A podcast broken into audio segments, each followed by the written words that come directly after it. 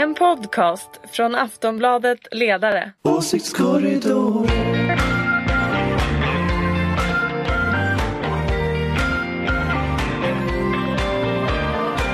Hej! Hej och välkomna till Åsiktskorridoren. Eh, På grund av schemaproblem fick vi inte till någon podd förra veckan. Vi ber om ursäkt för det. Men nu är vi helt och hållet tillbaka. Med oss har vi idag Ulrika Schenström som är moderat. Hej upp! Vi har från Aftonbladets oberoende socialdemokratiska ledarredaktion Anders Lindberg. Hej. Och vi har Sam Asadi som får sätta sig lite närmare mikrofonen tror jag. Hej! Du praktiserar på ledarredaktionen nu. Ja, och nu ska du med i eh, Åsiktskorridoren. Du är varmt välkommen. Tack så mycket. Ni är varmt välkomna allihop. Tack. Eh, själv heter jag Anna Andersson. Om vi spelar in det här så är det strax efter lunch. Det är måndagen den 9 mars. Vilka dramatiska tider vi lever i hörni. Eh, nyheter och debatten domineras helt av coronaviruset just nu och dess framfart över världen. Vi har sett ganska otäcka bilder från brutal pandemibekämpning i Kina. Ingen tycks riktigt veta vad som pågår inne i Iran. Italien har man satt hela Lombardiet i karantän, 14 miljoner invånare. När jag skrev det här manuset så hade vi 213 bekräftade fall av coronasmittade i Sverige. Är ni oroliga för det som pågår just nu? Ulrika? Egentligen är jag inte det. För att eh, egentligen är jag inte det. Men jag är panikslagen på ytan så att säga. Jaha, Jag- fast är inte det bättre att vara panikslagen på ytan men lugn som en filbunke? Nej, men jag är lugn som en filbunke när det väl kommer till kritan. Men eftersom jag hela tiden blir väldigt eh, provocerad av det jag läser i medier så får jag såna här panikkänslor och så måste jag gå tillbaka och tänka det här kommer gå bra. Okej, vi ska återkomma Och till vad de skriver i jag tidningarna. förbannad på andra som är ännu värre panikslagna på ytan än jag. För då är det jag som blir så här, nu tar vi och backar lite. Okej, lite okej. så. så Okej, jag, jag, nu- jag är både Du är och. både och. Sam, är du orolig? Jag är orolig för det hysteriska bara. Liksom att eh, eh, saker ska ta slut i butikerna och liksom sådär att folk ska, Hur folk ska- brå- Ja men såhär lite I am legend scenario. Du snor min liksom, handsprit här och, och börjar slå ner mig för den. Ja. Ulrika kramar hårt sin handsprit, zo- Zombiebeteende. Ja. Anders? Jag, jag, jag är inte så jätteorolig, nej det är jag nog faktiskt inte. Eh, jag är mest sur för att jag hade tänkt åka till Ryssland här om, om ett par veckor och det får jag inte då för att eh, man ska inte resa då. Eh, så att, så att, och det förstår jag ju att man inte ska men men, eh, Men det var tråkigt. men jag är lite sur för det för jag hade gärna åkt dit. Jag förstår. Eh, men nej, men jag, jag är inte så jätteorolig. Jag, jag tänker att de myndigheter som hanterar detta eh, dels har ganska bra koll på läget i största allmänhet. Eh, och sen så ser man ju också just det här som, eh, som ju verkar ske nu att det, det ändå planar ut. Eh, det, är de, det är de fall som kommer från norra Italien till exempel här i Stockholm som ju är övervägande delen. Eh, och det är klart att nu är ju sportlovet över och, och det, det, det, betyder att det kommer inte att komma så dramatiskt många sportlovsturister hit eh, mera eh, som, som har varit i, i norra Italien. Så jag tänker ändå det att nu vidtas så otroligt mycket åtgärder och det kommer att liksom Mm. lugna ner detta. Jag tänkte det, därför att eh, det vi vet är ju nu att det svenska smittskyddet jobbar hårt för att spåra alla smittade och än så länge verkar de ha lyckats som jag har förstått det. Eh, samtidigt pågår den här debatten, gör myndigheterna för lite? Eh, så skulle de ha stängt fler skolor, skulle man sagt åt folk att bunkra mat, eh, ska man avråda från fler resmål? Jag tror, jag tror att om man inte, om jag tror att man måste lyssna på de myndigheterna nu. Och är det så att de börjar säga nu ska vi stänga den här skolan här, vi ska göra den här åtgärden här.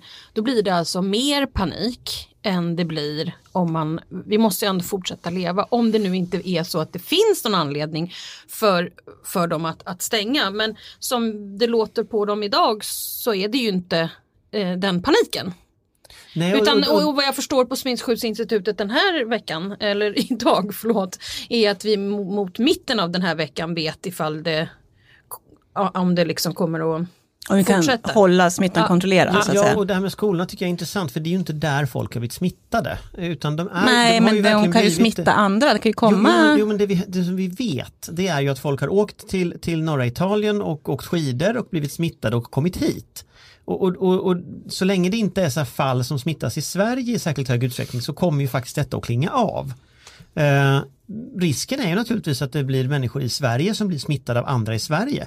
Eh, och, och det är klart att hamnar man i det läget då, Då det då, då får man liksom göra någonting annat. Men än så länge så tycker jag det här handlar ju om att liksom spåra de fall som kommer in utifrån och som sätter stopp för det. Men Eh, tycker ni att, att myndigheterna har varit tydliga nog? Sam, vad säger du? Ja, alltså. Borde de ha varit ännu mer så här om krisen kommer, ta fram er lilla broschyr?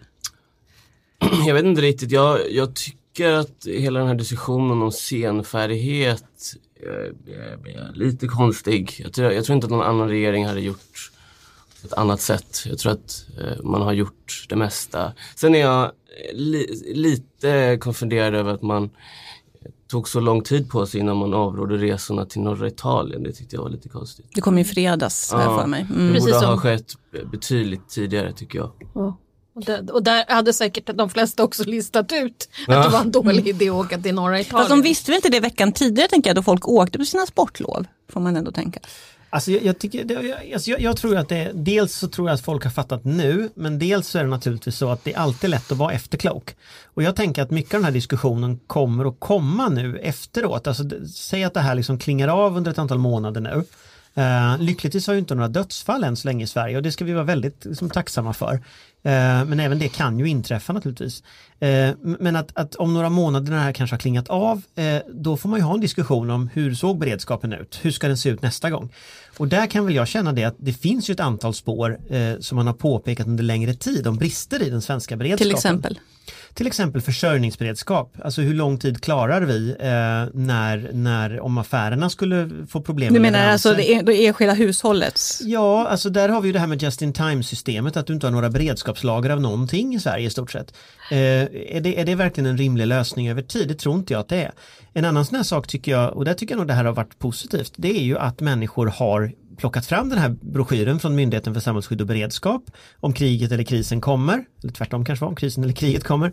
Eh, läst Om något igenom otäckt den, kommer. Mm. Om något otäckt kommer. Läst igenom den, prickat av vad man ska ha hemma. Och det tycker jag är en grundgrej, att du ska ha de här sakerna hemma. Och där har ju myndigheterna förut sagt att du ska klara det en vecka eh, om samhället brakar ihop. Och det är klart, där, där tror jag många fick Fast upp samhället ögonen. brakar liksom ihop, alltså så här, även om coronan kommer, det är ju inte säkert att elen går och vattnet inte Nej, alltså det finns i är våra en mild kranar. kris jämfört med, med det man tar höjd för i den broschyren. Där tar man ju höjd för i värsta fall för ett krig. Men, men, men hela idén som försvarsberedningen har haft det är ju att ett, ett hushåll ska kunna klara sig ungefär en vecka. Och det handlar ju om mediciner, det handlar ju om radio, det handlar ju om massa saker som du behöver ha. Eh, och det tycker jag ändå, det har ändå folk börjat förstå och det tycker jag är lite positivt. Men är det inte bra att, vi har, att man liksom har en väldigt kritisk syn på myndigheterna nu? Alltså så här verkligen att Jo, men medierna det ska ju inte bli någon granskar. total panik att folk börjar springa runt och göra märkliga saker. Gör folk det?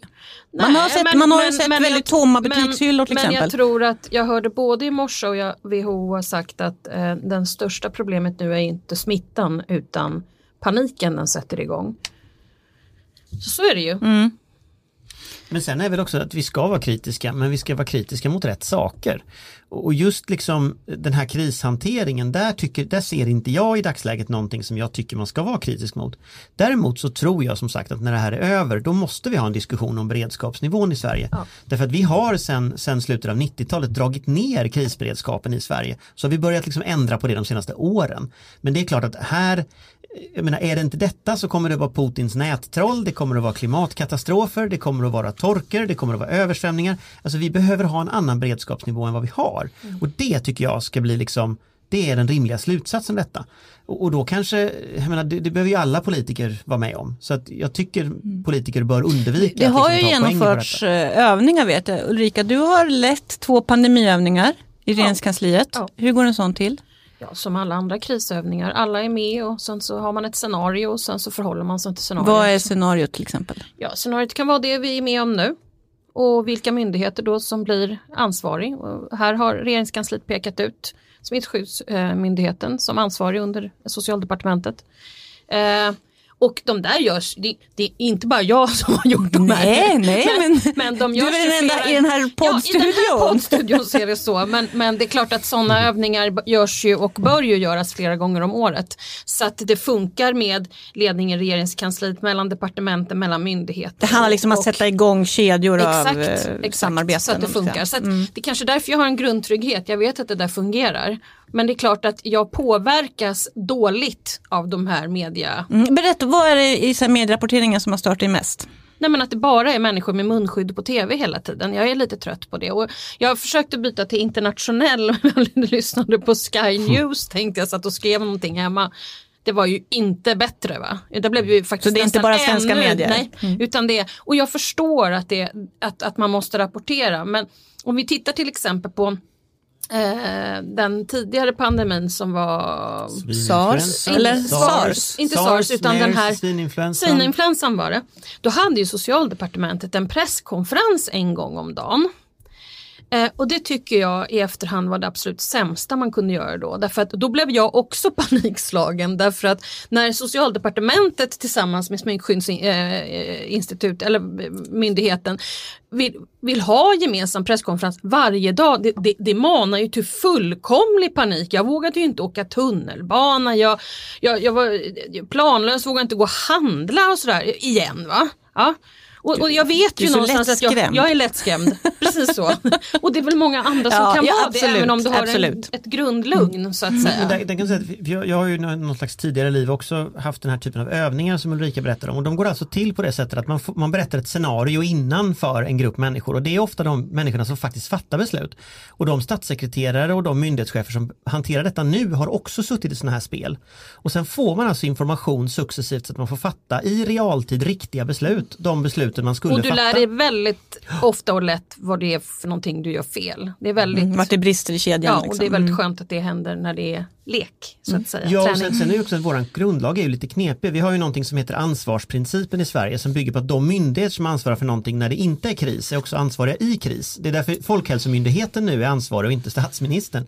Eh, och, och, och, det där kan vara svårt att förklara. Jag noterade på den här första pressträffen de hade, myndigheterna, att då skulle man försöka förklara hur ansvarsprincipen ja. fungerade. Och då kände jag bara att nej, hjälp, det där skulle någon ha övat bort innan. Ja. För det är liksom helt hopplöst. Det, det, så, Då kommer det bli någon sån här, va? Är statsministern inte informerad? Och så, Nej, börjar, och, det, och, det, och, så blir det, den debatten vi får nu. Ja, jag vet. Men sen är, och det finns en poäng i att de som är ansvariga när det inte är kris också är ansvariga för när det är kris, för ja. de kan det mycket bättre. Precis så. så det finns en logik i det här systemet, men det är lite svårt Plus att förklara. att de myndigheterna mm. också får in de relevanta data som behövs för sånt här mm. och det är ingen annan som ska sitta och Det är väl ändå trots allt viktigt att det, att det ser ut som att det fungerar som det ska. Alltså, jag menar, det finns väl någon slags optik i det här som är rätt viktig också. Eller? Ja, och där, den tycker jag man ska fundera på efteråt hur den optiken eh, funkade. För nu ställde man alltså alla myndighetscheferna relevant, till och med polisen stod där på scenen och skulle förklara sin roll i det här. Och jag tror att för de flesta blir det svårbegripligt. Så, så, att, så att även om myndigheterna klarar av eh, själva krishanteringen av viruset så måste ju så här, krishanteringen av medievärlden måste, måste öva på funka. kommunikation. Och där tror jag ju att de har en del att fundera på efteråt så att man kanske slipper den här typen av konstiga sidodebatter som nu uppstår om, om Staffanstorp som hittar på en egen folkhälsopolitik och alltså sådana där saker. Att man... De är drifta i Staffanstorp, det får man ge dem. Alternativa hela tiden.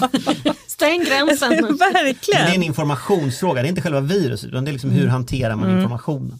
Eh, vi bara tittar ut lite grann i världen, för sagt i Sverige så verkar det fortfarande vara under kontroll, men eh, många länder har ju drabbats väldigt hårt. Vi har bara sett början i USA antagligen. Eh, resandet påverkas redan jättemycket, butiker stänger, börser faller. Eh, hur farligt tror ni coronaviruset är för världsekonomin? Farlig, jättefarlig. Just på grund av det här att även om du har en grundtrygghet så kan du kanske agera på en känsla av, av, av någon slags panik. Jag stod här nu, nu och väntade på eh, att bli hämtad i entrén här på Schibsted. Mm, just det, det. Ja, du får egentligen inte komma in här. Vi får inte släppa in folk på redaktionen. Det är sant. Det är tumregeln. Okay. Ulrika slank igenom. Men jag stod i alla fall där nere och då var tvn på där. Ja. Och det var ju direkt rapport från, då var det någon kvinna som inte kom in i, i um, det var Thailand var det inte, ja Vietnam var det, för att hon var svensk. Eh, mm. Corona, mm. svensk kanske. Kunde vara, det förstår man. Alltså, och, och, det är bara, och det är bara sådana skräckbilder med människor med munskydd och men, men jag tror ju också, jag tror också det finns, det, dels det med paniken är en sak, men sen är det också så, alltså världsekonomin bygger på Kina. Wuhan är en av de regionerna som bilindustrin till exempel bygger på. Mm. Wuhan eh, som alltså är väldigt hårt drabbat. Wuhan som är väldigt hårt, och fortfarande är hårt drabbat, mm. det är Hubei då. Eh, och, och, och, det är Precis. klart att, att de, de, de, de så här, distributionskedjorna sprider sig över hela världen från Hubei-provinsen. Och det är klart att det där är ju en, det är ju så globaliseringen ser ut. Men det är klart att havererar en del av den här kedjan, då då tar första det ganska lång stund, i kedjan, nu är det första länken dessutom, men det tar en lång stund att reda upp det där. Så, att, så, att, så att frågan är ju liksom, när stannar bandet på Volvo? Eh, därför att du har problem i Hubei. Och det är ju en fråga om veckor. Nu vet jag inte om det händer den här veckan, vi får se liksom, men, men det är klart att det, och det kommer ju få en enorm effekt för världsekonomin om det här liksom inte, om de inte får igång maskinerna eh, där. Eh, Årets kanske viktigaste världspolitiska händelse, det amerikanska valet. Tror ni Mm. det kan påverkas? Sam, vad tror du? Det är tre ganska åldriga män till exempel. Som, alltså, eh, nästan, båda de där president, alla tre presidentkandidater är ju i riskgruppen. så att, eh, eh, och de har ju ganska mycket resande och olika typer utav- mycket folk att skaka mycket, hand med. Ja exakt. Hoppas de har handsprit. Det är viktigt att ha en bra vicepresident då kanske. Men eh, ja, det tror jag. handsprit och en bra vicepresident, det är vad de behöver. Ja. Nej men jag tror det kommer att påverka. Jag har en syster som bor i, i, i Kalifornien och hon beskriver ju hur de senaste dagarna det har det är ett paniktillstånd. Eh, och ehm, så att jag, jag sagt, det verkar bara ha börjat i USA. Ja. eh, Och hur, hur, hur eh, visar sig, förlåt att jag Ja, eh, frågade en fråga Mm. här, men eh, hur, hur, hur liksom ter sig den här paniken? Lite som här men att liksom mycket hamstring, mycket att man tömmer butiker på olika saker. Eh, det finns ju, de har en väldigt stor eh, kinesisk minoritet. Eh, finns eh, löpande berättelser om, om eh, rasism och sådär. Eh, men jag tror, ja, folk är ju rädda. Jag menar, Cali- Los Angeles, Kalifornien och den delen är ju väldigt internationaliserad. Det är ju- Men där också tror jag vi har en annan sak i USA som vi måste, du har ett, ett, ett vårdsystem som är så decentraliserat att, du, att stora grupper kan falla helt igenom. Eh, och det är klart att speciellt västkusten med liksom sin närhet till Kina och sin kopp Seattle, närheten till, till liksom de marknaderna. Det- Risken är ju att det kommer att vara en helt okontrollerad spridning där eh, därför att man helt enkelt inte har fungerande myndighetsstrukturer på det sättet som man skulle behöva när det gäller hälso och sjukvård. Så landet har ju Och ganska både, många som saknar sjukförsäkring. och ganska många som saknar sjukförsäkring. Så att, så att landet har ju både världens bästa sjukvård och också den här, vad är det, nästan 30 miljoner medborgare som inte har någon Helt sjukförsäkring. skyddslösa. Mm. Alltså det, det är klart att det, det är ju i dagsläget ett uruselt system för att hantera en nationell pandemi. kris. Alltså det är det ju. Sen har ju Trump, han har ju underfinansierat CDC i flera, flera budgetar nu så att det är klart, det gör ju inte saker bättre när de behöver de resurserna vid en kris. Eh, sen är det ju inte, så är det inte som att världen står stilla i övrigt heller bara för att coronakrisen pågår. Vi har ju dessutom eh, förra helgen, mot slutet av, jag tror det var förra fredagen, så meddelade ju Turkiets president Erdogan att han nu öppnar gränsen eh, för flyktingar mot eh, Grekland och det vill säga EU. Eh, och det gjorde han och nu, de släpps inte heller in i Grekland och nu sitter en massa människor fast i en slags limbo mellan Turkiet och eh, Grekland, eller Turkiet och EU ska vi säga. Mm. om vi ska prata vidare på temat krisberedskap, eh, när det gäller ett eventuellt flyktingmottagande, hur tror ni beredskapen ser ut här i Sverige? Är det bara stängda gränser som gäller? Är det vårt, vårt enda, det är det som kommuniceras om man säger så? Alltså det är lite spännande att se skillnaden på diskussionen i Tyskland och diskussionen här. För i Tyskland så diskuterar man ju att ta emot barn speciellt som hamnar i det här risk, riskområdet eller konfliktområdet. Eh, medan i Sverige så är det väl liksom egentligen ingen som i någon högre röst driver att de här människorna som har hamnat i kläm, att de ska man eh, ta hand om. Det där tror jag behöver ändras. Eh, Jag tror att Sverige också måste ta ett ansvar för, för de flyktingarna som, som det handlar om här. För att annars hamnar vi tillbaka i det här läget som vi hade tidigare när liksom eh, Grekland och Bulgarien ska ta hela ansvaret för flyktingkrisen och det är orimligt. Sen har vi ju ett problem då i EU att ingen är överens om hur eh, fördelningen av flyktingarna ska ske. Och, och nu skissar man väl på någon slags coalition of the willing, liksom att de länderna som faktiskt är beredda att ställa upp, ställer upp och så gör inte andra det. Det här är ju jättedåligt eh, för EU som helhet. Men samtidigt, det finns väl en 10-15 000 människor just nu. Men det finns ju lite som du sa, i den svenska debatten är det väl ingen som säger just det där att vi, vi borde ändå ta hit Det är väl lite ingen som folk. säger någonting just nu. Nej, Eh, det, med var, det signalerades vi lite med bilder nu. kan man säga också. Ja, lite Alltså, det bilder var- har signalerat ja. som var väldigt, väldigt Kristersson tokiga. och sen har vi den här Billströmska eh, bilden. Billströmska bilden, kolossen på Rhodos eh, och sen så hade vi då Jimmy Åkesson som, ja, Jag gjorde också den liknelsen, Colossus på Rhodos. ja var det inte det han var eller? Jag vet Jag inte, vet det inte. gammal bild jag, Ja, det var en gammal bild från en helt var, ja. den var helt utanför sin, Det- sin ja. kontext. Det kan Ja. också vara Van Damme från Volvo-reklamen. en spagat. Ja. Det var någon som faktiskt gjorde den sen på skämt. Aha. Och hade, Twitter, ja, så på det. Twitter såg den. Ja, det, var, men, men, så här, det är ju faktiskt de enda sakerna som kommuniceras. Och sen så här, Åkessons flygblad, han använder flyktingar men, som... men om vi tittar liksom lite framåt så måste man ju lösa situationen. Alltså man kan inte ha ett läge där, där de här människorna är mellan de här gränserna. Det är en sak att liksom sätta hårt mot hårt mot Turkiet och det bör man göra. Men, men de här människorna som sitter men där, tror du att det låta- finns någon som helst politisk vilja för det här i Sverige just nu? Det vet inte jag. Jag tror ju att eh, den politiska viljan är ju inte Twitter. Eh, så läser man Twitter så nej det gör det inte. Och läser man liksom eh, moderater och kristdemokrater och sverigedemokrater, nej det gör de inte. Socialdemokrater? Socialdemokrater skulle jag säga splittrade. V och eh, MP skulle säkert vara beredda att ta emot. Eh, C skulle jag tro är beredda att ta emot. L eh, vet jag inte vad de tycker, det är svårt att Det vet man aldrig nu för Det vet tiden. man aldrig numera. Men, men jag, tror att, jag tror det är ganska splittrat egentligen. Alltså det ser ut som ett kompakt Mm. Jag, tänkte bara, motstånd. jag tror det var typ en vecka in, före Erdogans besked så publicerade ett antal hjälporganisationer en, en artikel på DN Debatt där de hade låtit göra en opinionsundersökning där de visade att det finns ett starkt folkligt stöd i Sverige för till exempel familjeåterförening, att ungdomar som har funnits här länge och har lärt sig svenska ska få stanna i Sverige. Eh, underskattas den eh, strömningen i Sverige tror ni? Bland politiker? Har den liksom tystnat helt eller? Ja, det tror jag lite grann. Därför att jag tror att det finns någons... Fast frågan är hur länge det kommer att hålla på. Men jag tror att eh, den underskattas. Jag tycker ju att eh, vi borde arbeta för att ta, ta in flera nu som behöver komma, med, komma in.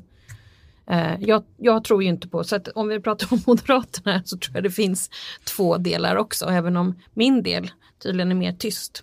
Kanske inte jättestor eller? Eller så är den jättestor, bara Ja, tyst. bara tyst. Fast jag undrar ja, för att alltså, om man, jag tror att den här mätningen är en sak eh, när man tittar på möjligheten till familjeåterförening. Men jag tror också det är så att speciellt public service i Sverige är rapporterar ju liksom bara den ena sidan av detta. Alltså man, man, man får liksom intrycket av att den här opinionen som finns på Twitter och den här opinionen som finns liksom eh, som säger stängda gränser och stopp och belägg och sådär, alltså den skulle på något sätt vara totalt allenarådande. Tittar vi på hur riksdagen ser ut så är en mycket stor andel av de här partierna som har en helt annan inriktning, som gick till val på en helt annan inriktning, som blev valda till riksdagen på en helt annan inriktning. Har de ändrat åsikt allihopa? Nej, det tror Men inte är jag. de inte skyldiga att kliva fram och, säga? Jag tror de hade klivit fram mer om det inte var corona Ja, eh, av så. allting, det tror jag faktiskt. För att hade det varit en debatt om detta, nu är det ju Mm, jag bara coronan över. Mm. Mm. Och, Mm, Sam, det såg ut som nu. Men jag, jag- tror också att politikerna är ganska, känns som att de är uppgivna. Att det finns liksom en, dels en rädsla för vad de här flyktingarna kommer innebära politiskt och konflikter med SD och eh, att det kommer att på något sätt polarisera Sverige mer än vad det egentligen är idag. Eh, Men jag tror att man måste se bortom det och faktiskt bygga system. Både här i Sverige, eh, få, in bättre integration av de här grejerna och bättre mottagande men även på europeisk nivå. För jag tror att det, vi kommer hamna om några år i ett nytt normalläge där den här typen av flyktingströmmar kommer bli betydligt vanligare. Framförallt när Nilen torkar ut och vi får olika typer utav klimatkatastrofer och naturkatastrofer och vad det nu kan vara. Så jag tror att eh, ja, det behövs system. Nya system. Och det, Ja. är väl, det är väl också det som EU-kommissionen aviserade att man ska jobba hårt med att hitta ett gemensamt flyktingsystem i Europa och det har ju gått tvärstopp än så länge. Jag tänkte, det ser lite men byt några regeringar i Östeuropa. Eh, jag menar, idag, eh, om vi tar en sån här SDs partivän eh, Viktor Orbán, han, han förlorade faktiskt valet i Budapest. Det finns en lång rad oppositionsgrupper i Polen. Har hela tiden fanns det en stor opposition i Polen mot regeringen där. Eh, Slovakien som ju var liksom ett, ett, ett auktoritärt land, där förlorade den auktoritära eh, regeringschefen som kallade sig sosse, vilket är ironiskt, men det var han.